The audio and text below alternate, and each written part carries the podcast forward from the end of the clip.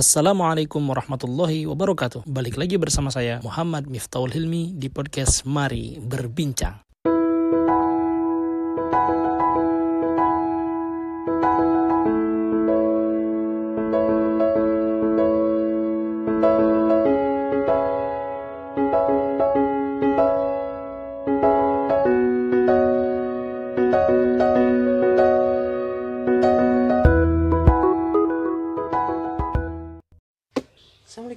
Assalamualaikum. Warahmatullahi wabarakatuh. Waalaikumsalam. Assalamualaikum warahmatullahi Warahmatullahi Saya yang wabarakatuh. jawab kok, saya yang Jadi balik lagi bersama saya tentunya eh, di podcast Mari Berbincang.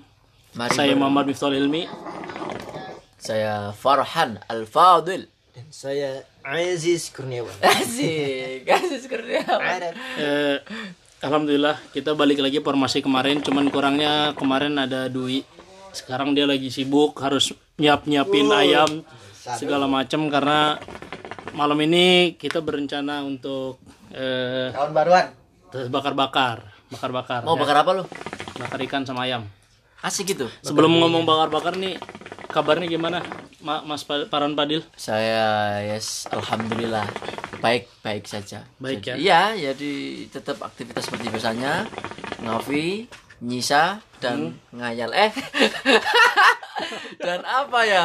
Ya gitulah intinya kayak gitulah. Makanya kan itu kan kemarin-kemarin Iya. dan di tahun baru ini harus harus harus ada yang dibicarakan gitu loh ya. ya terus Mas Ajis gimana ya Sama lah. sama Gitu-gitu juga. Ya gitu banyak berubah ya gak banyak berubah ya Yang penting intinya ya gitu lah. Iya, dia kebanyakan ya ngapalin intinya kita nama-nama. masih diberi kesehatan diberi kelancaran dalam setiap aktivitas kita. Ini tidak berasa loh kita udah berada di penghujung tahun 2020 Bener-bener ujung. bener-bener ujung karena ini kita tag ini rekaman ini persis di tanggal 31 Desember 2020 Ya. berarti Tapi besok kalau di Indo udah udah udah baru belum sih? eh, belum belum belum belum Kita lagi. belum. Jadi besok bertepatan dengan tanggal 1 Januari 2021 saya sebenarnya bingung ini ad- se- patut gak sebenarnya saya bertepuk tangan? Kenapa? Karena bukan saya kalian juga tadi. Karena tahun ini saya rasa tahun yang sangat berat loh mbak Ya, berat-berat. berat kenapa? Bukan hanya buat kita tapi yang justru bakal merasa berat itu ya mereka yang usahawan orang-orang yang pedagang gitu kan Medis, medis orang apalagi yang berjuang dengan Covid. pasti Ya Allah. jadi gimana pun saya rasa ini tahun yang begitu berat untuk semua orang Iya. tapi alhamdulillah kita dikasih kekuatan Ya alhamdulillah, alhamdulillah kita survive syukuri, harus bisa kita syukuri. melawan menghadapi ya Ya, menghadapi tahun ini dengan dengan ya alhamdulillah kita masih bisa ngobrol sehat Ya. Terus menurut sampean gimana tahun-tahun kemarin kira-kira Tahun corona ini kan. tahun corona? Saya kalau saya pribadi ya, saya tuh takut maksudnya saya baca-baca berita corona aja nggak pernah, baca berita covid itu nggak pernah saya takut. Baca Jadi, iya. baca berita nggak pernah karena pernah. karena nggak ada paket atau. Kamu jangan jujur lah, maksudnya gitu. Maksudnya apa? Aku takut nanti bawa ke psikis gitu. Jadi aku Oh, iya, tak iya, tak, tak tak bikin santai, tak bikin slow. Tapi ya hati-hati ke mana-mana pakai masker, masker gitu loh ya. Hmm. Soalnya Tapi- mengingat umur juga ya imun udah turun. Jadi Oh, enggak. nggak tapi gitu. Jadi aku daripada aku baca terus aku pikiran Iya, benar, terus benar. nanti ya yang penting kan aku tapi kan jujur aku baru belakangan aja belakangan aja gitu keluar rumah. Sebelum sebelumnya kan udah berapa bulan aku di rumah mulu. Nggak pernah keluar udah di rumah. dan itu penting loh kadang untuk Iya. meng- men- me- apa maksudnya membodoh amatkan sesuatu itu penting. Bukan Penting. bodoh amat karena kita nggak peduli, lebih ke ingin menjaga psikis Iya. kita, nggak mau terlalu sibuk dengan apa sih namanya mikirin. Iya. Kadang tuh kita kalau baca nih Iya. ada sindrom apa namanya? Sindrom di mana nih? Sampean baca berita corona, terus sampean ngerasa Tiba-tiba tiba-tiba aku kok gini ya? Psikis itu. tiba-tiba kayak apa namanya sih? Iya, Eh, khawatir. sesak napas. Iya. Terus mas, rasa apa indera perasa nggak kerasa itu ternyata ada sindromnya. Iya. Bukan berarti sampai langsung positif, saya positif enggak. Ya, enggak. Ternyata ya itu mungkin di situ Cuman Mbak dia tuh. kelamaan di rumah lama-lama jadi barang. Ya, ya gitu. Dia tidak banyak baca berita karena ingin lebih tenang lah Ya, mentalnya lebih tenang Aku di rumah aja. di samping ya. emang nggak ada wifi eh, nggak ada paket internet tidak memadai jadi ya se- sejalan lah Itu kan ada wifi sebelah. Ya, segar. ada wifi sebelah ya Iya, bisa ya rumah sebelah bisa dong. mencuri wifi Eh, maling. kalau bang Ajis nih gimana nih bang Ajis Hmm. 2020 menurut berapa kata lah untuk 2020 itu menurut menurut Eh, gimana ya? Kita nungguin dia dulu nih Pakai minum. kayak kayak bakal bermanfaat gitu ngomongin gitu Kayak ngomongin sesuatu yang besar gitu. iya. Padahal gini-gini aja. kita nunggu berapa detik lu tadi berapa detik Enggak, kita tak Ta- kebuang ta- Tapi tadi dia asik tadi dia. Dari ceritanya anak hadis kan katanya, aku di hadis ini masa kerjaan yang ngafalin nama-nama dipikir-pikir kayak gak ada manfaatnya. Aku bilang buat apa? Salah, jadi, kalimatnya salah. jadi dengan dengan dengan ilmu yang dipelajari aja dia kayak gitu Merasa loh. menyesal. Apalagi Ya, ya. di podcast kayak gini sok-sokan mau itu gitu loh. Tapi enggak apa enggak enggak enggak. Barangkali ada tetap tetap kita dengarkan lah Iya, kita butuh butuh butuh Ya, bijaknya. ya, ya, sama lah Iya, kayak iya. teman-teman yang karena saya persis kayak bilang orang tuh punya dua sisi ada sisi busuk ada sisi bagusnya kan Iya, tapi Mas Aziz ini bus eh baik terus, baik terus. iya baik terus Iya. pasti lah alhamdulillah Sisir remeng-remeng. coba gimana lah gimana makanya tadi Coba coba cerita gimana? Dua, dua ngomongnya tuh kayak jangan bakal ditungguin biasa aja gitu Jadi nggak jadi ngomong ini kita ngebahas masalah beberapa detik yang lalu. Iya, Iya, gimana, gimana? 2020 menurut Mas Aziz Itu kan. adalah tahun yang mungkin akan selalu dikenang ke depan karena memang eh, banyak eh, apa namanya hal yang macet gitu dari segi ekonomi terus dari segi eh, kita sebagai individu. Oh ya kemarin saya main bisnis ya, gimana itu? Ya itu Ngefek itu ya, ini ngefek ya ini ya. ngefek juga Ngefek. itu. Cuman di satu sisi juga ada berkahnya juga Masya Allah. iya pasti Iya, bagus pasti ada baik, ada baiknya ini. karena orang di rumah semua, orang males Oh, iya, bergerak, iya, males benar. ke mana, kita bisa manfaatin momen Iya. itu. Mm-mm. Semisal. ya itu loh yang bisnis dia bisnis dia jadi Oh, tahu sel, tahu sel. ngapa-ngapain Apa kemarin tahu sel apa? Tahu sel apa? sarapan sarapan Obat kuat. Eh, sarap Kuat. sarapan dong Semuanya bisa, semuanya bisa. jadi tergantung Jadi, kita lihat enggak, jadi semakin semakin eh, kondisi itu semakin keruh, jadi kita semakin eh, punya tantangan untuk menciptakan yang baru. gila bijak sekali, guys. Ada ternyata di, Ada di hadis. sisi kebusukannya itu Padahal belum keluar nama-nama yang dihafalin tadi. tapi saya setuju banget yang dibilang Bung Ajis tadi. Jadi melihat situasi pun seburuk apa pun kita berusaha untuk melihat apa yang positif gitu. Justru begini loh, Mbak. coba lihat yang positif dulu baru. Justru begini loh, kalau misalkan nggak ada masalah, mungkin nggak nggak keluar ide baru. iya. Jadi kita nggak survive gitu. Akhirnya kita iya terlalu terlalu enak di zona nyaman. zona nyaman anjan. Aku pengen ngomong gitu zona nyaman. zona nyaman gitu. Nah, itu setiap Gak jelas. ketika pandemi ini berarti kita lihat sekecil apa pun apa namanya eh, potensi itu positifnya kecil.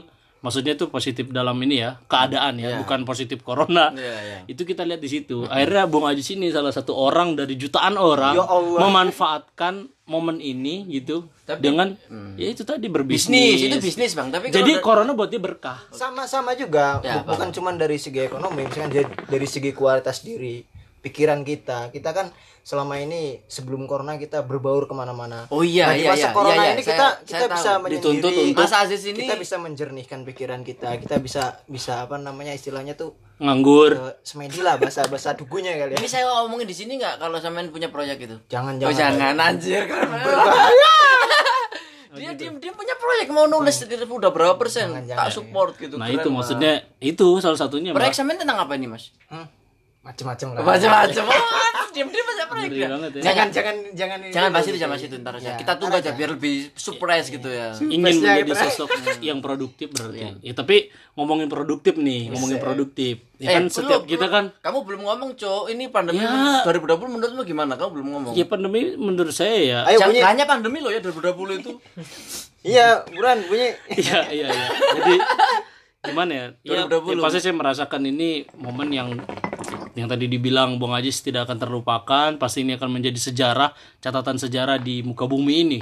Karena bukan hanya di satu negara tapi semua sedunia ini merasakan eh, dampak dari pandemi ini. Ya kita lihatlah banyak sekarang artis-artis pun yang tadinya hidup mentereng sedikit-sedikit kayak jualan. Jualan tuh kayak ya endorse itu. Ya, mereka kemarin mulai buka-bukaan penghasilan kafe mereka. sebelah kan sekarang udah jualan Ya kan terus dari sisi pendidikan kita ya lihat sendiri apa namanya pesantren-pesantren banyak yang tutup terus pelajar apa orang-orang belajar itu yang biasanya di kelas ya gitulah jadi Itu kan gambar secara umum, tapi Iya, kalau men- kesanmu tapi secara kesan- personal gimana? Secara personal. nggak ada yang berkesan sih karena hidup saya begini-begini aja nggak ada yang berubah Eh, cerita dong kemarin kan kamu baru baru pulang dari ya ya Indonesia. ya ya gitulah Gimana? Sedikit aja. mungkin eh, Ngerasain pandemi ketika di sini, pulang itu terus kemarin di Indonesia berapa bulan kemarin? ketika pulang itu ya ya yang dipastikan menurut saya pribadi ya kita selalu bawa semangat baru gitu semangat baru tuh jadi ada semacam pecutan kecil gitu buat kita sendiri untuk menyadari posisi kita tuh ya sebagai tulabul ilmi itu.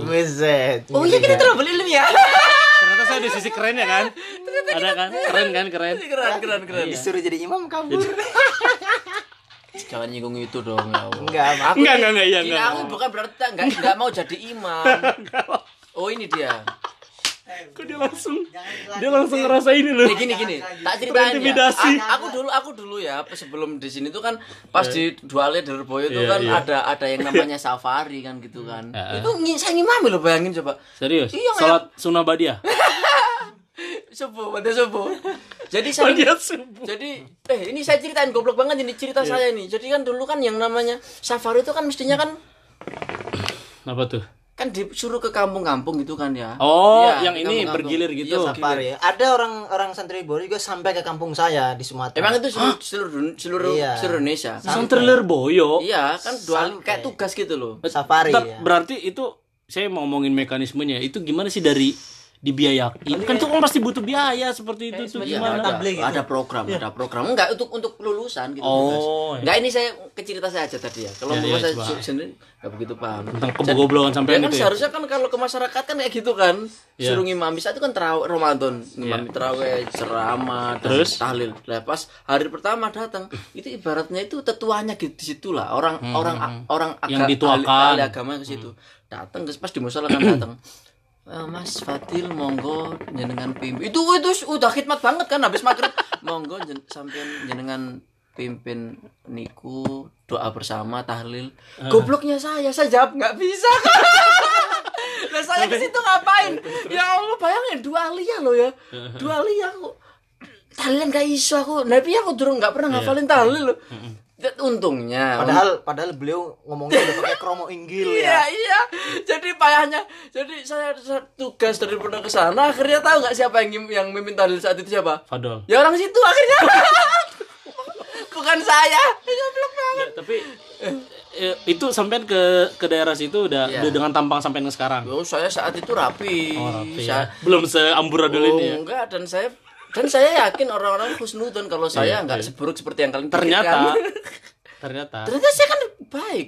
ya itu nggak bisa mimpin Ber- Berarti waktu itu udah udah menjadi sebagaimana mestinya orang Iya. lah ya. Sekarang kan- enggak, bukan, bukan gitu. Saya bukan berarti enggak enggak enggak Iya, enggak, iya. enggak se enggak enggak tanggung jawab, tapi tetap ada hal-hal yang sekiranya aku mungkin ya saat itu kan aku kalau mimpin teraweh ya, Ya. saya jelasin ini soalnya selama ini kan Oh. saya dikecam di sini diklaim nggak nggak mau ngimami. Nggak pernah ada yang nggak bisa ngimami sholat. Enggak saya siapa? nggak pernah ada yang Hmm, bilang. Saya nggak justru imam, kita enggak. percaya sampean bisa imam karena kita suruh terus ya kan? makanya ber- kita percaya sampean tuh bisa imam. Ya. gitu. Dan pengalaman saat itu akhirnya saya nggak bisa mimpin tahlil saya nggak bisa ceramah gitu. Akhirnya saya itu saya ngaji kitab. Ngaji kitab risalah kusyariah. Tasawuf itu loh dua sanawiyah dua aliyah dua aliyah. dan lucunya ceritanya gini saya pakai pengantarnya itu pakai bahasa Indonesia Heeh. jadi kalau teman-teman di pos-pos yang lain itu pakai bahasa Jawa saya sendiri pakai bahasa Indonesia, Indonesia. Iya, Biar saya- kelihatan beda. saya biar kelihatan kerenan gitu kan ternyata Da- dan belum selesai Oh, belum. dan ternyata saya baru ketahuan itu baru tahu itu Ketahuan. ada ada temen yang yang yang di pos sebelah gitu. Di saat malam itu ngopi sama saya akhirnya di situ. Pas saya pengajian ayo ikut ikut juga gitu kan ya. Akhirnya pas temanku nyimak itu baru acara selesai pengajian selesai kok ngomong, ngomong gini eh cuk awakmu eh Dil kamu kok kok pakai bahasa Indonesia? Kayak kuris siapa aja? Orang nggak paham ya. siap terus terus. Ya kayak orang paham aja. Akhirnya wah lah gitu. Ternyata uh, pantesan selama selama ini habis habis habis selama ngaji itu. Habis ngaji. Iya habis kok kok khusyuk gitu. Mes- mesti tak kasih pertanyaan gimana ibu-ibu bapak-bapak ada yang tanya? Gak ada yang tanya. Oh berarti khusnudon saya? Oh udah paham semua. Oh ternyata gak ada yang paham. Masa bahasa Indonesia? bukan gitu. Ya bisa. Orang tetap nonton non- ya bisa kan cuman Tapi beda. Emang kadang kalau ngomong kan nggak beda terlihat juga ibu-ibu kadang baca loh. kitab itu lebih terasa keberkahannya, lebih terasa kesakralannya ketika dibawakan dengan bahasa daerah. Nah, iya. Bener. Di Indonesia. Di Indonesia. Dan ya, saya, kayak di kampung saya iya, saya gitu. lebih akitin lagi ternyata setelah saya nyimak di pos-pos yang lain, enak, oh enak orang-orang itu pakai bahasa Jawa. Heeh. Inggih mengkaten punika ngono. Ya, aku Saya- saya... mudeng ah. Saya curiga tapi Mbak, seandainya kan masa itu tuh terjadi pada sekarang, itu ada yang upload itu bisa viral. Soalnya kalau pakai bahasa daerah itu kan sulit viralnya. Pakai bahasa Indonesia bisa dijangkau semua Ya, orang. saya sih ter- terlepas dari viral dan nggak viral sih.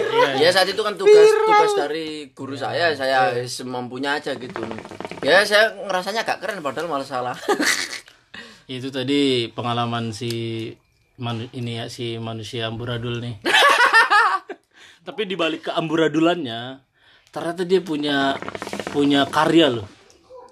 Percaya nggak? Percaya tidak? Saya percaya, tapi saya lihat untuk saat ini masih menjadi magnum opusnya. Waduh, apaan tuh? Apaan tuh? Jangan-jangan dia nulis. Iya, buku, Jangan-jangan dia penulisnya. buku ini masih masih karya terbaru, maksudnya kayak karya yang eh, apa namanya jenjang pemikiran dia yang paling baru Iya, dituangkan di sini. iya, iya. Iya, ya pasti kan berkembang, Bah ya. Apa ya emang emang gitu. Ya. Jadi ya enggak sebelum ngomong panjang nih jadi saya mau membuktikan keproduktivitasannya ini. jangan nyinggung imam loh ya. Jadi enggak. Sekarang Jadi selesai kita masalah imam. Mbah itu yang kemarin kita kan di podcast kemarin kita udah ngobrol masalah Rumi bagaimana dia. Pokoknya yang mau penasaran, ya tapi nggak tahu sih ada yang penasaran apa enggak. Lihat aja di episode sebelumnya. Jadi sekarang saya membuktikan keproduktivitasannya ini.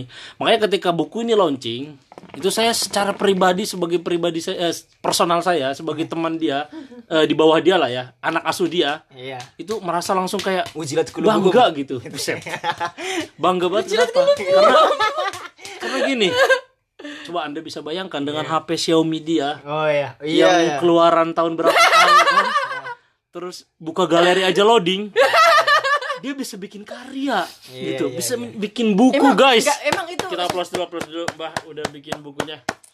Orang- orang-orang ada yang tanya gitu emang, eh sampe nulis pakai HP ya? Iya. Lah emang aku. Ah, iya. Eh, laptop kan ada sebenarnya. Kan Bang Wali kan 2019 itu pas Bawa laptop. 18 Bawa dia laptop. pulang. Laptopnya ditinggal? Ya ditinggal. Deal ini putih itu. Ya buat kamu bawa. Buat apa bang? Enggak kamu nulis aja. Saat itu saat itu saya nggak punya pikiran nulis. Enggak saya pikiranku ya gimana caranya saya nyari kafe yang enak di Mesir gitu aja gitu Tapi Iya. laptop itu banyak huruf yang nggak bisa diketik. enggak masih bisa, kan bisa ada ada, itu. pakai keyboard nah jadi ini menunjukkan bahwa sosok ini bisa kita angkat sebagai kisah inspiratif gitu inspiratif Wede. enggak ya teguh. ya bukan gitunya sih ya itu tadi saya mau curhat dulu sedikit tentang perasaan saya saya gembira sekali bahagia sekali bahwa ternyata teman saya walaupun kayak gini Tai gini kucing. gitu Kayak gini gimana tuh? Tai kucing. Tolong, kayak bisa gini membuat coba. karya akhirnya udah terbit nih buku kedua ya buku kedua dia yang pertama kan apa, pe- apa? Rinda Rindu. Rinda. Rindu. Ini yang kedua adalah beragama sambil ngopi. Itu pasti kan ini sebagai apa namanya bukti bahwa dia itu produktif semasa pandemi ini.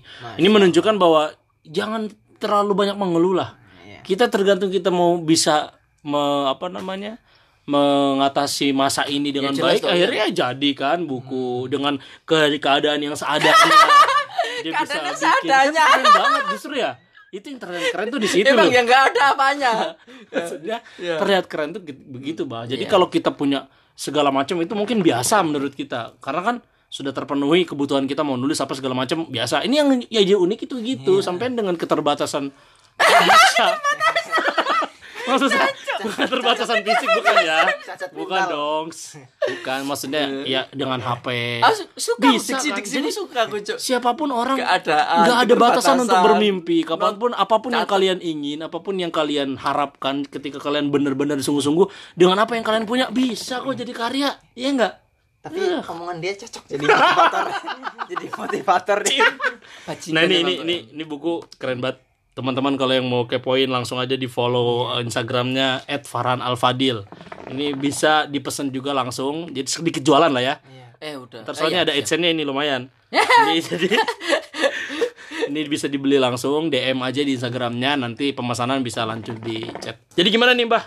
Kemarin kan kita udah bahas eh, apa namanya buku ini di latar Emang kemarin belakangnya udah bahasa kita ya? Iya, Belum sedikit bahas kita. sedikit di latar belakangnya karena kan sampean bikin buku ini tuh tadinya kan untuk tulisan-tulisan esai untuk adik sampean kan adik Adik saya adik yang perempuan yang di pondok tapi ya. ternyata ketika minta banyak pendapat orang buku ini sayang ketika Gak kalau hanya itu enggak, malah orang yang nganjurin, Yang nganjurin. yang, yang, yang ngasih saran. Aku sempat dari situ akhirnya aku pikiran gitu. Hmm. Oh gitu ya, oh gitu ya. Meskipun agak dramatik sebenarnya. ya itu makanya saya mau sedikit menyinggung tentang karya sampean ini beragama sambil ngopi sebenarnya apa namanya ini kan kalau dilihat dari sekilas judulnya semacam kayak keresahan yang terus dia tuangkan di sini loh beragama sambil ngopi ini yang saya tangkap ya dari judulnya cara kan Ya. orang jadi Ya kalian udah baca belum gitu maksudnya Kalau gimana? saya udah hatam, cuman yang saya penasaran itu judulnya loh. Kenapa nggak beragama sambil nyusu? ya. Kenapa milihnya kopi? ya apa ya? Ya kalau nyusu terlalu vulgar nggak sih enggak ya enggak, sih Enggak. biasa Biasa lah. oh oh, vulgar kenapa sih nyusu biasa bener Iya. orang sehat minum susu Maksudnya maksudnya susu susu susu yang kental Coklat, itu ya. susu kental manis. Susu kental manis. Terus tapi kenapa nih Mbah balik lagi kok sampai memilih diksi ini? Ini Ini, kan- setelah penyaringan sekian banyak maksudnya ya, apa ya, kalau langsung dikata- blok aja gitu. kata kalau itu kan sebenarnya judul dari salah satu esai yang ada dalam buku ini yaitu beragama sambil ngopi. Jadi di sana memang saya saya berangkat dari ini kan orang nulis itu buat apa sih sebenarnya? Orang Hmm. iya, orang nulis itu ya ya macam-macam latar belakang kalau aku pribadi sih ya gara-gara aku harus gitu ada sesuatu yang menuntutku untuk melakukan ini gitu aja tanpa ada banyak alasan Hmm. gitu jadi dan saat itu aku ngerasa aku harus deh nulis kayak gini gitu jadi aku bener-bener kita tahu sendiri lah kemarin betapa menegangnya bet- betapa tegangnya kita saat, saat berpolitik kemarin ya kan? Ya, Ber- ya. ya nggak? Selalu isu agama yang Iya, diangkat kan. iya. oh di, identitas keagamaan lah kayak gitulah jadi ya seperti yang udah saya sebut kemarin di podcast kita tuh beragama dibenturkan dengan berpolitik itu cukup begitu menegang pendekatan Ya, sekali pasti, ya. nggak asik sekali masa di rumah-rumah di kafe-kafe di mana-mana Ya, di sosial media itu sampai kerjaannya partikel-partikel ribut kecil, mulu pasti ya. debat mulu sekarang kan udah adem gara-gara pandemi dan Hmm. berkahnya pandemi kan orang-orang agak ya? Iya, iya, iya. Orang- ya, Siap. gara-gara berkahnya pandemi orang akhirnya agak agak damai dulu coba kemarin di Iya. Twitter Panas, gitu, panas. masa lo Semua ribut saling mencela ini, Iya. mencaci itu. lihat mata Najwa kerjaannya ribut mulu orang-orang kan gitu kan Tapi ini kan beragama sambil ngopi. Sampai itu berusaha mere, mere, me- apa sih? merefleksikan diri bahwa ya beragama itu nyantai maksudnya. iya jadi kan Tapi kan sampean memilih diksi dengan kopi, ngopi. Ini kan santai menurut sampean.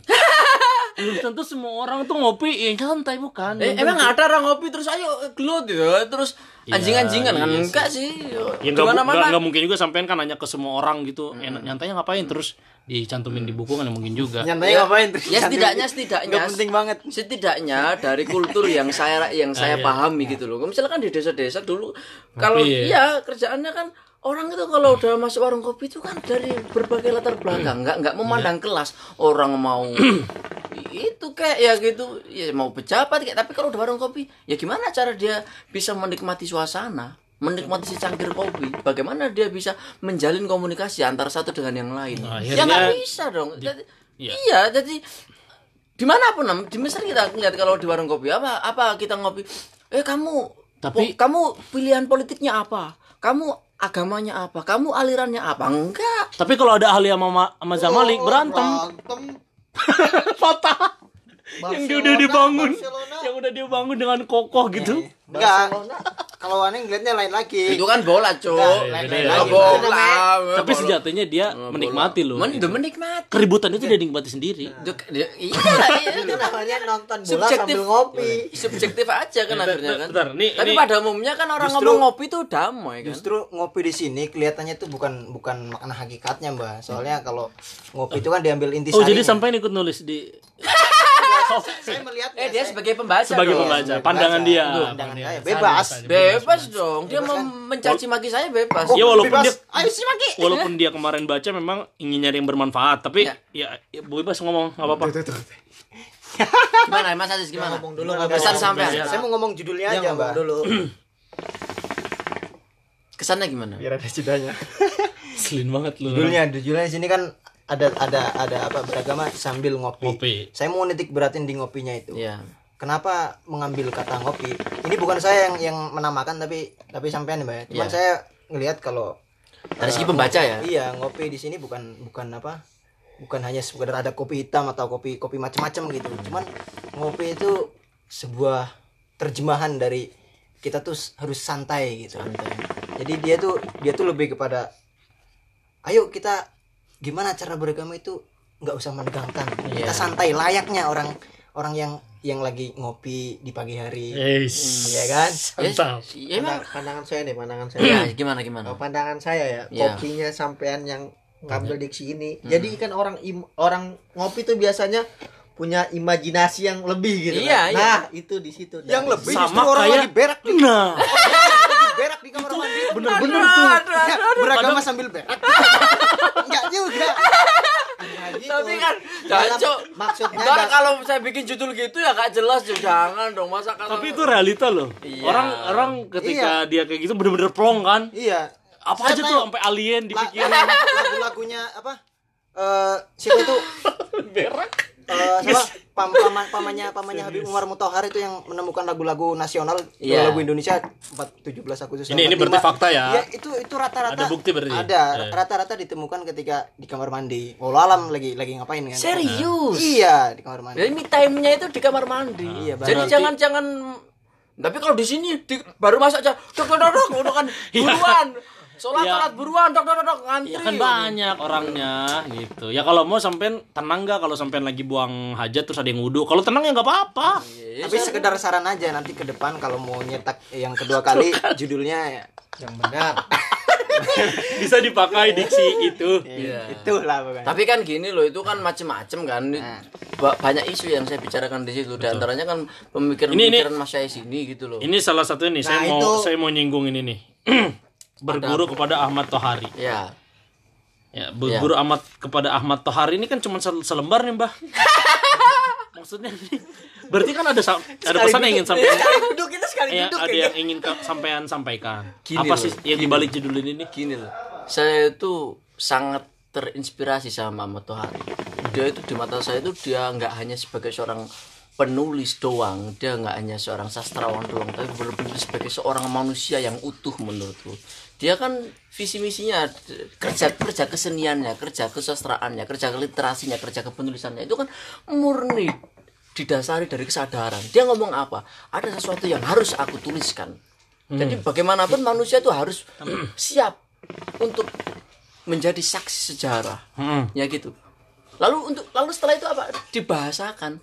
Sebagai apa? Sebagai ibrah, sebagai pelajaran. Bukannya Al-Qur'an juga seperti itu. Ya. Al-Quran kan ada pisau, ya enggak? Iya, ada iya, betul. dialektika, ada muhawaro antara Nabi dengan Yahudi, Yahudi, Nabi dengan problem masa di masanya kan kayak gitu. Kaumnya menghadapi kaumnya. Iya selalu ada. ah, kan, manusia itu kan identik dengan lupa. Manusia kan identik dengan kekurangan. Kalau istilahnya istilahnya eh, Jaluddin Rumi itu al akal al juz'i gitu. Jadi akal yang cuman separuh gitu. Jadi manusia kalau cukup dengan dirinya sendiri nggak bakal nyampe dengan yang namanya sampai pada yang namanya kebijaksanaan, nggak bisa nyampe pada yang namanya hakikat. Untuk seperti itu dia harus mencari yang namanya akal al kamil, akal yang sempurna. Sama kayak gini. Jadi ini kan cuman dalam dalam itu kan kalau itu kan spiritual kalau. Jaluddin Rumi, tapi kalau dari sini kan dari segi literatur, dari segi Hmm. Nggak kedengeran. Terus Caco anjing. Astagfirullah aku muncul terus. Aku kayak next ya ya. makhluk Allah juga. Ya aku enggak aku enggak kudus bukan santos. Terus podcast dia bebas isinya ya. dia ini yang tanggung jawab Iya bebas. Ya, Kita kan ikut-ikutan aja. iya Enggak kita kan merayakan tahun baru gitu loh. Iya, harus kan bahas ada yang dibicarakan gitu loh. nggak goyah akidahnya ngerayain Iya. Enggak kembali ke, ke Ahmad Hari tadi. Jadi dia itu memang kata dia setelah dia nulis Dongeng Gebu Paruh triloginya itu dia ngomong aku nggak peduli apa aku habis ini disebut sebagai penulis apakah aku disebut sebagai sastrawan aku nggak peduli setidaknya aku sudah selesai dengan tugasku ya ada hal yang harus aku lakukan dan murni dari kegelisahan kan gitu akhirnya kan dia nulis Dongeng Gebu Paruh itu dan itu tadi sebagai sebagai apa namanya sebagai saksi sejarah Hmm. Bagaimana? Bayangkan, bayangkan. Kita yang hidup di masa sekarang, kita nggak bisa belajar dari sejarah-sejarah masa lalu.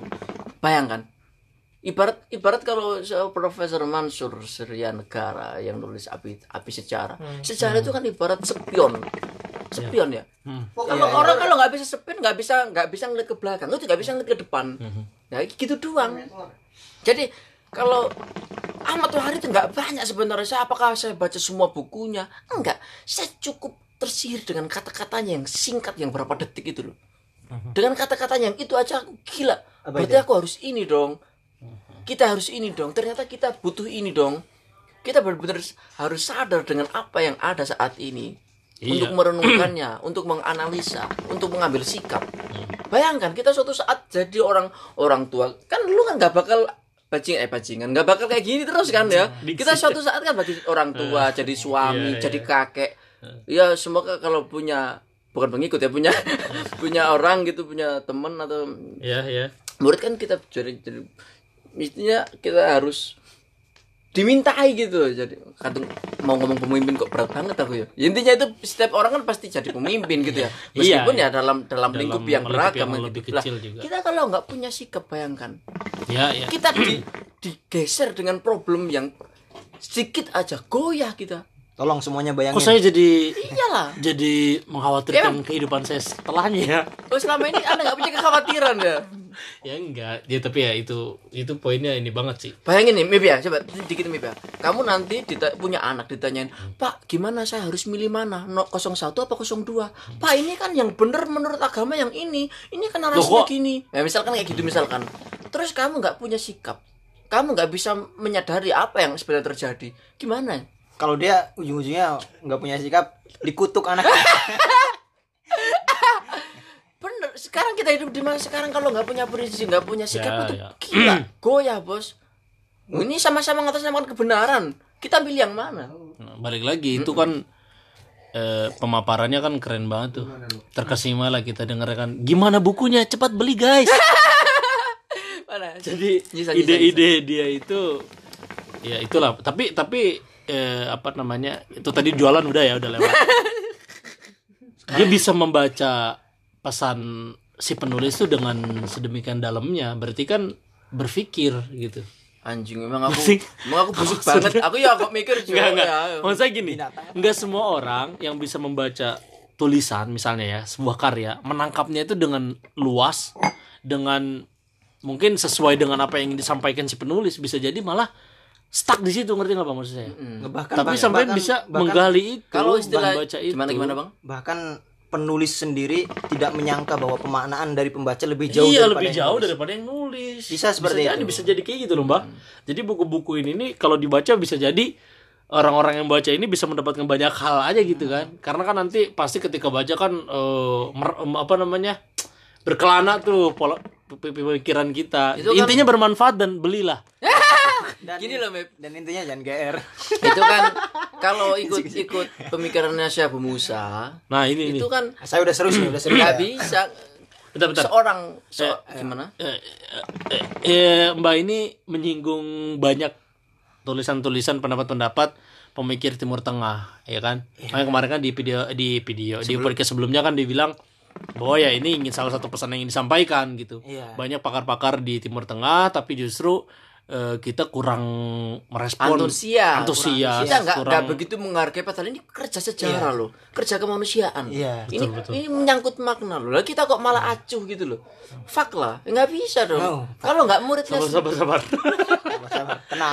Ini udah bukan dia nih, dia udah, udah bukan dia nih. nggak aku kalau misu itu kan maksudnya misu diriku sendiri. Iya, oke, siap. Udahlah sana misu sendiri orang lah. orang Jawa Timur orang daerah Surabaya Mojokerto kalau nggak misu itu malah kayak Iya, kaku lah kita. kamu tahu ya orang Butuh lo kayak gitu kalau tuh. ketemu temen kok nggak misu oh berarti nggak akrab Nggak akrab. oh ini lagi lagi lagi nesu lagi nggak nggak lagi nggak Iya. atau lagi moodnya lagi nggak enak Iya, gitu. tapi kalau eh jangan cuma tahu masuk oh lagi baik ini moodnya lagi lagi good looking lah Lagi lagi inilah lagi temenan sama Gus Nur gitu. ya ini apa sih nyebut kakak kandung eh kakak kandung terus terus terus ini di sini ada ada nggak salah tadi yang saya Musa tadi ini. loh Ya. nah saya Musa Jadi kan kita itu sebagai pembaca, sebagai seorang sebagai seorang tolib itu nggak cukup yang namanya tahsilul ma'rifah. Jadi m- m- menangkap biasanya kan gimana caranya paham gagasan pemikiran gagasan tokoh ini pemikiran atau substansi pemikiran ini aliran ini ya kan itu aja kadang kan sulit tapi kalau menurut Abu Musa udah nyampe ke situ aja belum selesai Ta- tahsilul ma'rifah itu nggak selesai Tahsil ma'rifah itu baru sebagai proposisi, baru sebagai pondasi. Mhm. Tugas seorang cendekiawan, tugas seorang tolibul ilmi yaitu istintajul ma'rifah. Bagaimana mengembangkan, mengelaborasi, mengimprovisasi sebuah pemikiran yang sudah ada. Digambarkan seperti ini. Dalam ijaz, ayo rada gak apa sih ngomong ini? Ya gak apa-apa lah terus. apa-apa. Mungkin kita lagi mau Dari dalam dalam sesuatu yang manfaat dari diri sampean. Emang dari tadi ada yang manfaat ya? Banyak banget ya. Ini luar biasa loh malam tahun apa tahun baru nih. Biasanya saya nyantai-nyantai ini tapi dapat pengetahuan baru. coba yang yang ilmiah banget gitu Gimana tadi yang nyampe sampean? orang nggak paham Misalkan, misalkan, misalkan beliau, ya, ya, misalkan, Perusak tempo nih si perusak tempo. Ya. Terus ya. lanjut lanjut misalkan kita ngelihat ilmu balago secara genealogisnya ya, secara asal usul, secara juduriyatul ma'rifahnya ya, itu apakah Abdul Qadir al Jurjani tiba-tiba hadir pada abad kelima hijriah sebagai seorang yang mendapatkan ilham enggak, nulis ilmu ma'ani bayan yang akhirnya nanti dikembangkan oleh al kashaf oleh Zamakhsyari dengan ya. Iya enggak? Menginter- menginterpretasi teks dengan dengan pendekatan sastrawi. Apakah tiba-tiba seperti itu? Enggak. Enggak. Yang dilakukan Abdul Qadir Al-Jurjani adalah mengelaborasi, mengembangkan apa yang sudah dituliskan oleh Asibawi pada abad kedua Hijriah. Yang sudah dituliskan oleh Al-Jahiz. Jadi Imam Sibawi itu pakar nahwu, Al-Syahid pakar syair. Lah bagaimana caranya ilmu nahwu, ilmu syair ini, ilmu yang secara gramatikal sama kesastraan ini dikembangkan untuk dijadikan sebagai alat menuju ijazah Al-Qur'an. Iya, Katanya iya, Al-Qur'an kan ijazah, tapi bagaimana caranya? Dari situ Terus dari, dari situ dari situ Al Jurjani nggak mau selesai pada yang namanya tahsilul ma'rifah. Ya. Semua Al Jurjani selesai pada tahsilul ma'rifah nggak bakal ada yang namanya ilmu ma'ani wal bayan yang menanti kemu- yang kemudian yang kemudian katanya Ibnu Ibnu Khaldun dis- disempurnakan oleh As-Sekaki, As-Sekaki. Terus di- dibakukan oleh Kesinambungan ya berarti ya. Al-Khatib Al-Qazwaini dalam talkhisnya. Terus di, di, di Syarih At-Taftazani dikasih hasil oleh Syed Syed Al-Jurjani. Hmm, kalau cuman seperti itu dalam tahsil ma'rifah, paling ya cukup Al-Jahid doang, Imam Sibawi doang, tapi kan enggak. Misinya Al-Jurjani adalah bagaimana menangkap sesuatu yang tak terbahasakan. Jadi istilahnya Abu Musa, Al-Jurjani orang yang semacam mendapatkan kegelisahan bahwasanya apa yang disampaikan pada masa-masa sebelumnya ini semacam ramziah, semacam simbol. Ya, akhirnya dari situ dari yang simbol-simbol itu kan dicari jejak-jejaknya, muncullah ilmu ma'ani wal bayan. Jadi kembali ke awal tadi loh. Pembaca, tugas seorang pembaca itu nggak cukup kalau cuman menangkap apa yang ditulis oleh penulis. menyampaikan juga kan, Isi dari mengembangkan. nggak bisa isi dari pemikiran ini apa? Harus benar-benar terlibat Mhm. mengembangkan. Udahlah nggak nggak ngapain namanya. Ya, Iya iya iya. Kadang kadang kita udah ngerasa cukup aja gitu ketika memahami tanpa kita memikirkan mengembangkan atau terlibat itu, Mbak. Jadi kita hanya menikmati karya seseorang aja. Gitu kan banyak yang gitu gitu Emang gitu. sering menjebak kayak gitu. Kita sering kejebak di situ. Dia dianggapnya udah cukup. Padahal kalau semua mau udah sampai di situ stagnan dong. Iya juga. nggak ada yang namanya tatawurul ma'rifah evolusi pemikiran itu nggak ada makanya kita di sini kita dihadapkan pada situasi yang nggak baik-baik saja sini ini nih Saya semakin merasa saya semakin merasa tidak berguna. enggak enggak lah enggak lah. enggak enggak enggak kita kan Nggak sedang gitu. berproses coba Bener, bener, Fuck lah. bener.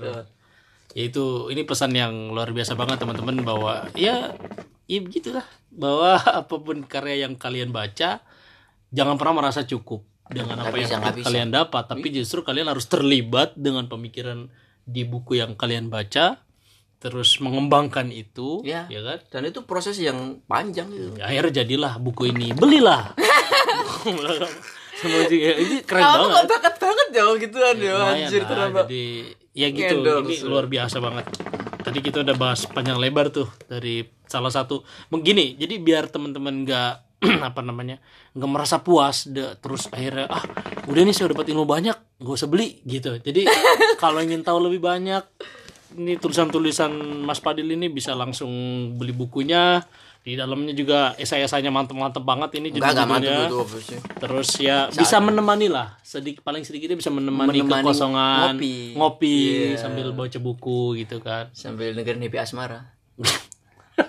kalau enggak buat banyak-banyakin ini di rak buku. Di rak buku itu buat koleksi. Jadi bener-bener nih, Bah, maksudnya eh, se- ajakan untuk untuk gemar membaca itu di Indonesia memang lagi digempar-gemparnya nih. Orang-orang dibuat untuk senang membaca banyak orang terus eh, apa namanya buka perpustakaan gitu dengan suasana yang nyaman. Iya. itu tradisi itu harus diteruskan. Jangan sampai di negara kita banyak yang buta huruf lah gitu ya. Iya. Dan kalau kan kalau, kita- kalau bisa diteruskin lagi kalau membaca itu artinya bukan sekedar membaca tulisan. ah betul. Itu tadi yang membaca tadi. ya ya tulisan kemudian apa yang ada di belakang tulisan? Membaca alam membaca pikiran orang.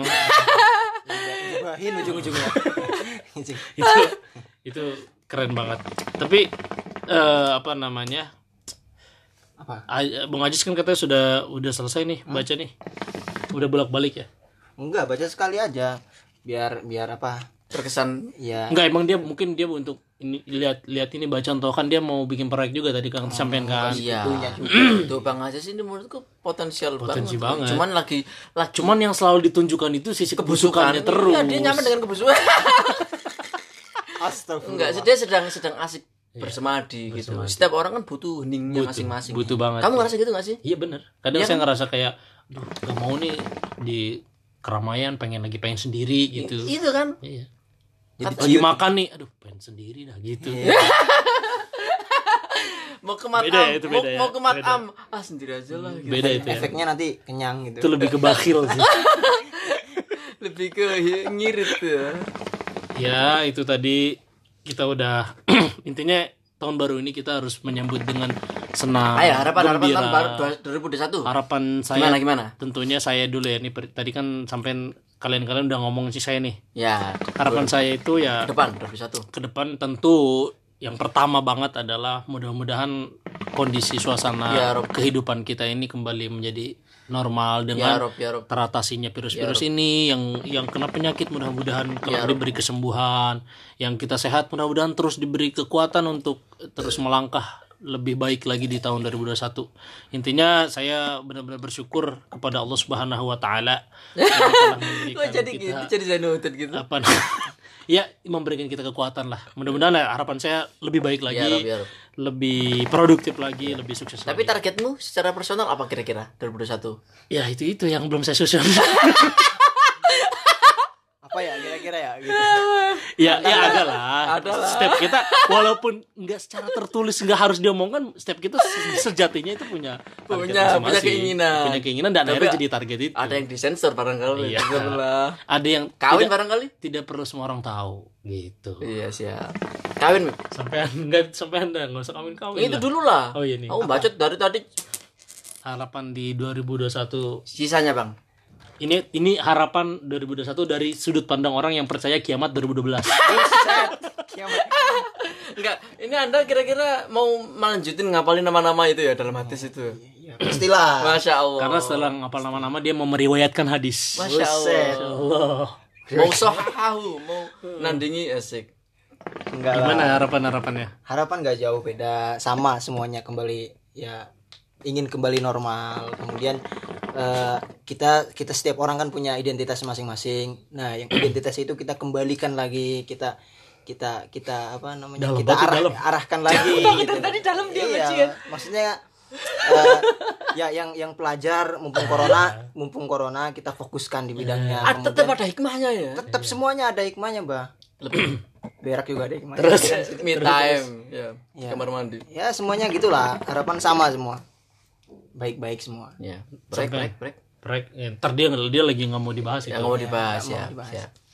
sampean lah yang terakhir Kalau saya kan gini ya, tipenya orang orangnya itu sebenarnya nggak begitu. Ya satu sisi ada yang namanya target-target, tapi tetap ngalir aja. iya Ya. saya tuh tadi sebenarnya gitu jawabannya sampai ngalir aja. walaupun kecomberan tetap ya kan ya tetap yang namanya hidup kan selalu ada sisi yang ya kan yang hitam putih gitu kan ya. betul betul Ya tetap ngalir aja lah. Jadi pengen gue kadang itu kita kan nggak nggak ada loh rencana tapi tiba-tiba dihadapkan pada suatu gila Ya, ya. keren banget Benar. tiba-tiba tuh kayak mendapatkan Banyak hal yang kayak gitu. iya wah harus gini deh gitu pulang pulang ke Indo tiba-tiba nikah ya. indah gitu jadi kalau aku sih 2021 ke depan ya sampai selanjutnya 2022 dan selanjutnya pingin aku nggak siap eh, apa apa ya udah pingin segera mendapatkan kejutan-kejutan gitu loh. Di 2021 ini ya? Iya. Ya semoga kejutan-kejutan baik datang Ngalir aja gitu. apa, tapi saya sebenarnya juga ada ada target sendiri sih semoga gitu. Ya ya. Ya pokoknya banyaklah harapan-harapan dari kita semuanya. Walaupun jangan pernah putus asa maksudnya gini sekecil apa pun kalian harapan itu harus kemudian menjadikan sebuah doa. Ada doa kita nanti akan berkumpul di atas. Iya.